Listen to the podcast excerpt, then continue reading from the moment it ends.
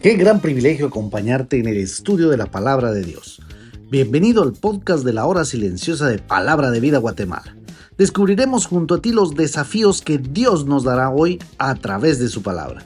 Deseamos que hayas tomado un tiempo para leer con anticipación el pasaje del día de hoy.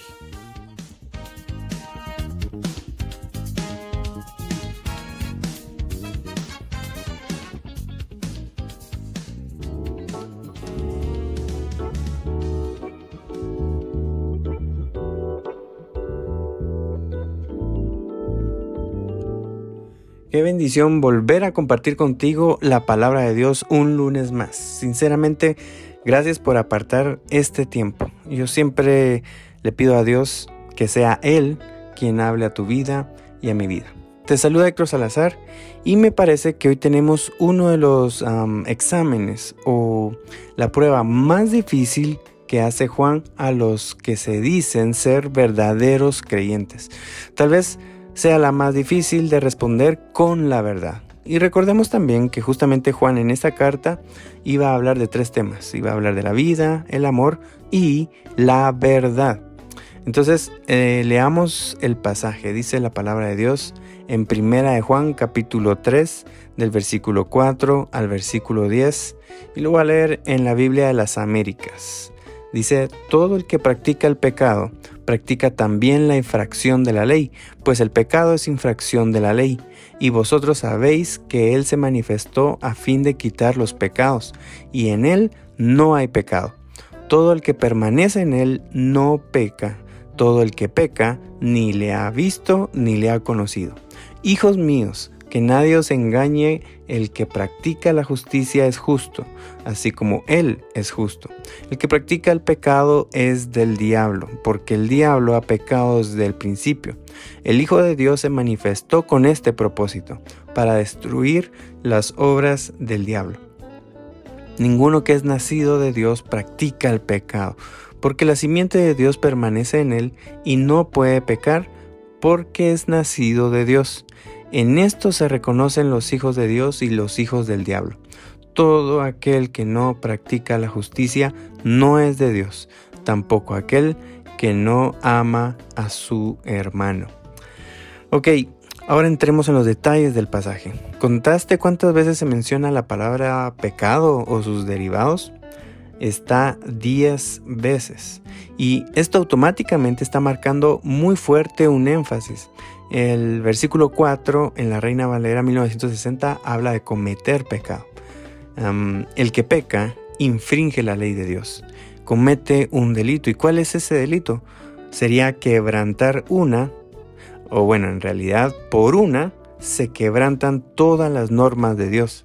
Así nos lo dice Dios en el libro de Santiago capítulo 2 versículo 10 cuando dice, porque cualquiera que guardare toda la ley, pero ofendiere en un punto, o sea, si quebrantan uno o si desobedecen uno, dice, se hace culpable de todos. Así que pecar ya de por sí es un grave delito. Ahora, en la versión de la Biblia de las Américas se empieza a usar una segunda palabra que veo que se repite seis veces y es la palabra practicar. Ah, la Reina Valera 1960 por su lado solo la usó dos veces, en el versículo 8 y en el versículo 9.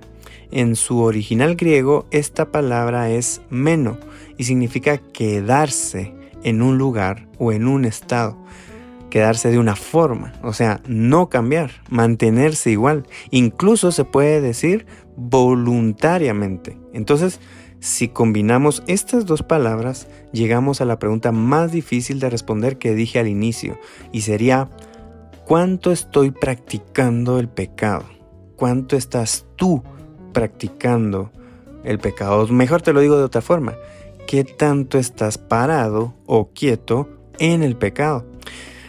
Y sabes algo, aquí quiero que pienses esto. Versículo 6 dice, todo aquel que permanece en él, o sea, que permanece en Jesús, que tiene una relación íntima, cercana y real con Él, dice ahí, no peca, porque el que peca, en palabras simples, no lo conoce, dice ahí el, versículo. Tal vez solo sabe de Dios, pero no lo conoce, no conoce que Él es santo y que no tolera el pecado. Luego dice el versículo 8 que aquella persona que definitivamente no permanece en Jesús, que definitivamente no conoce a Jesús ni la naturaleza sin pecado de Dios, Juan afirma una sola conclusión. Esa persona es del diablo. ¿Por qué? Porque está haciendo lo mismo que el diablo hizo desde el principio. Y, eh, pecar.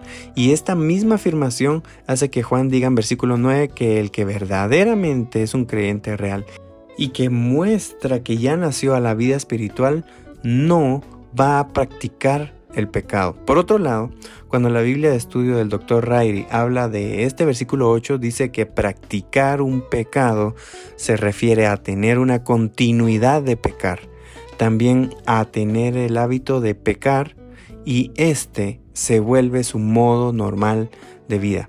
Y es que, mi querido, una cosa es pecar accidentalmente, pero otra muy diferente es eh, de la que habla Juan, es tener aquello de tener el hábito de pecar y no hacer ningún cambio.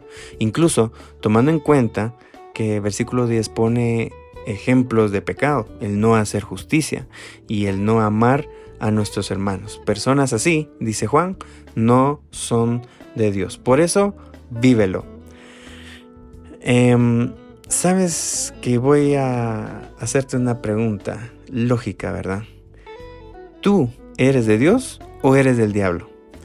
Si me vas a decir, ah, yo me doy cuenta que estoy siendo del diablo, bueno, ese sería un buen punto de inicio, sería una respuesta honesta, pero sobre todo sería una excelente oportunidad de dejar de practicar, ¿te recuerdas lo que dijimos? Dejar de quedarte en el pecado, ahí donde estás y salir lo más antes posible de ese punto. ¿Cómo? Haciendo lo que ya vimos en 1 Juan capítulo 1 versículo 9. Confiesa ya tu pecado y apártate, dice Proverbios 28, 13.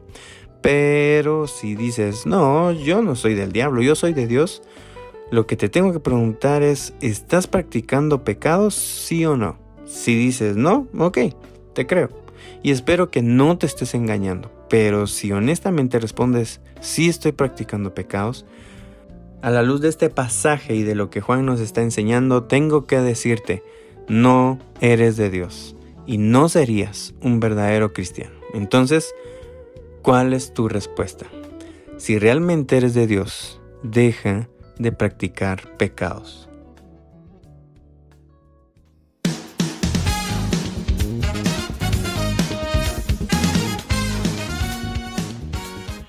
Es emocionante saber los tesoros que Dios tiene en su palabra para nosotros. Ayuda a tus amigos a que descubran la voluntad de Dios para su vida. Comparte este podcast con ellos. No olvides seguirnos en nuestras redes sociales.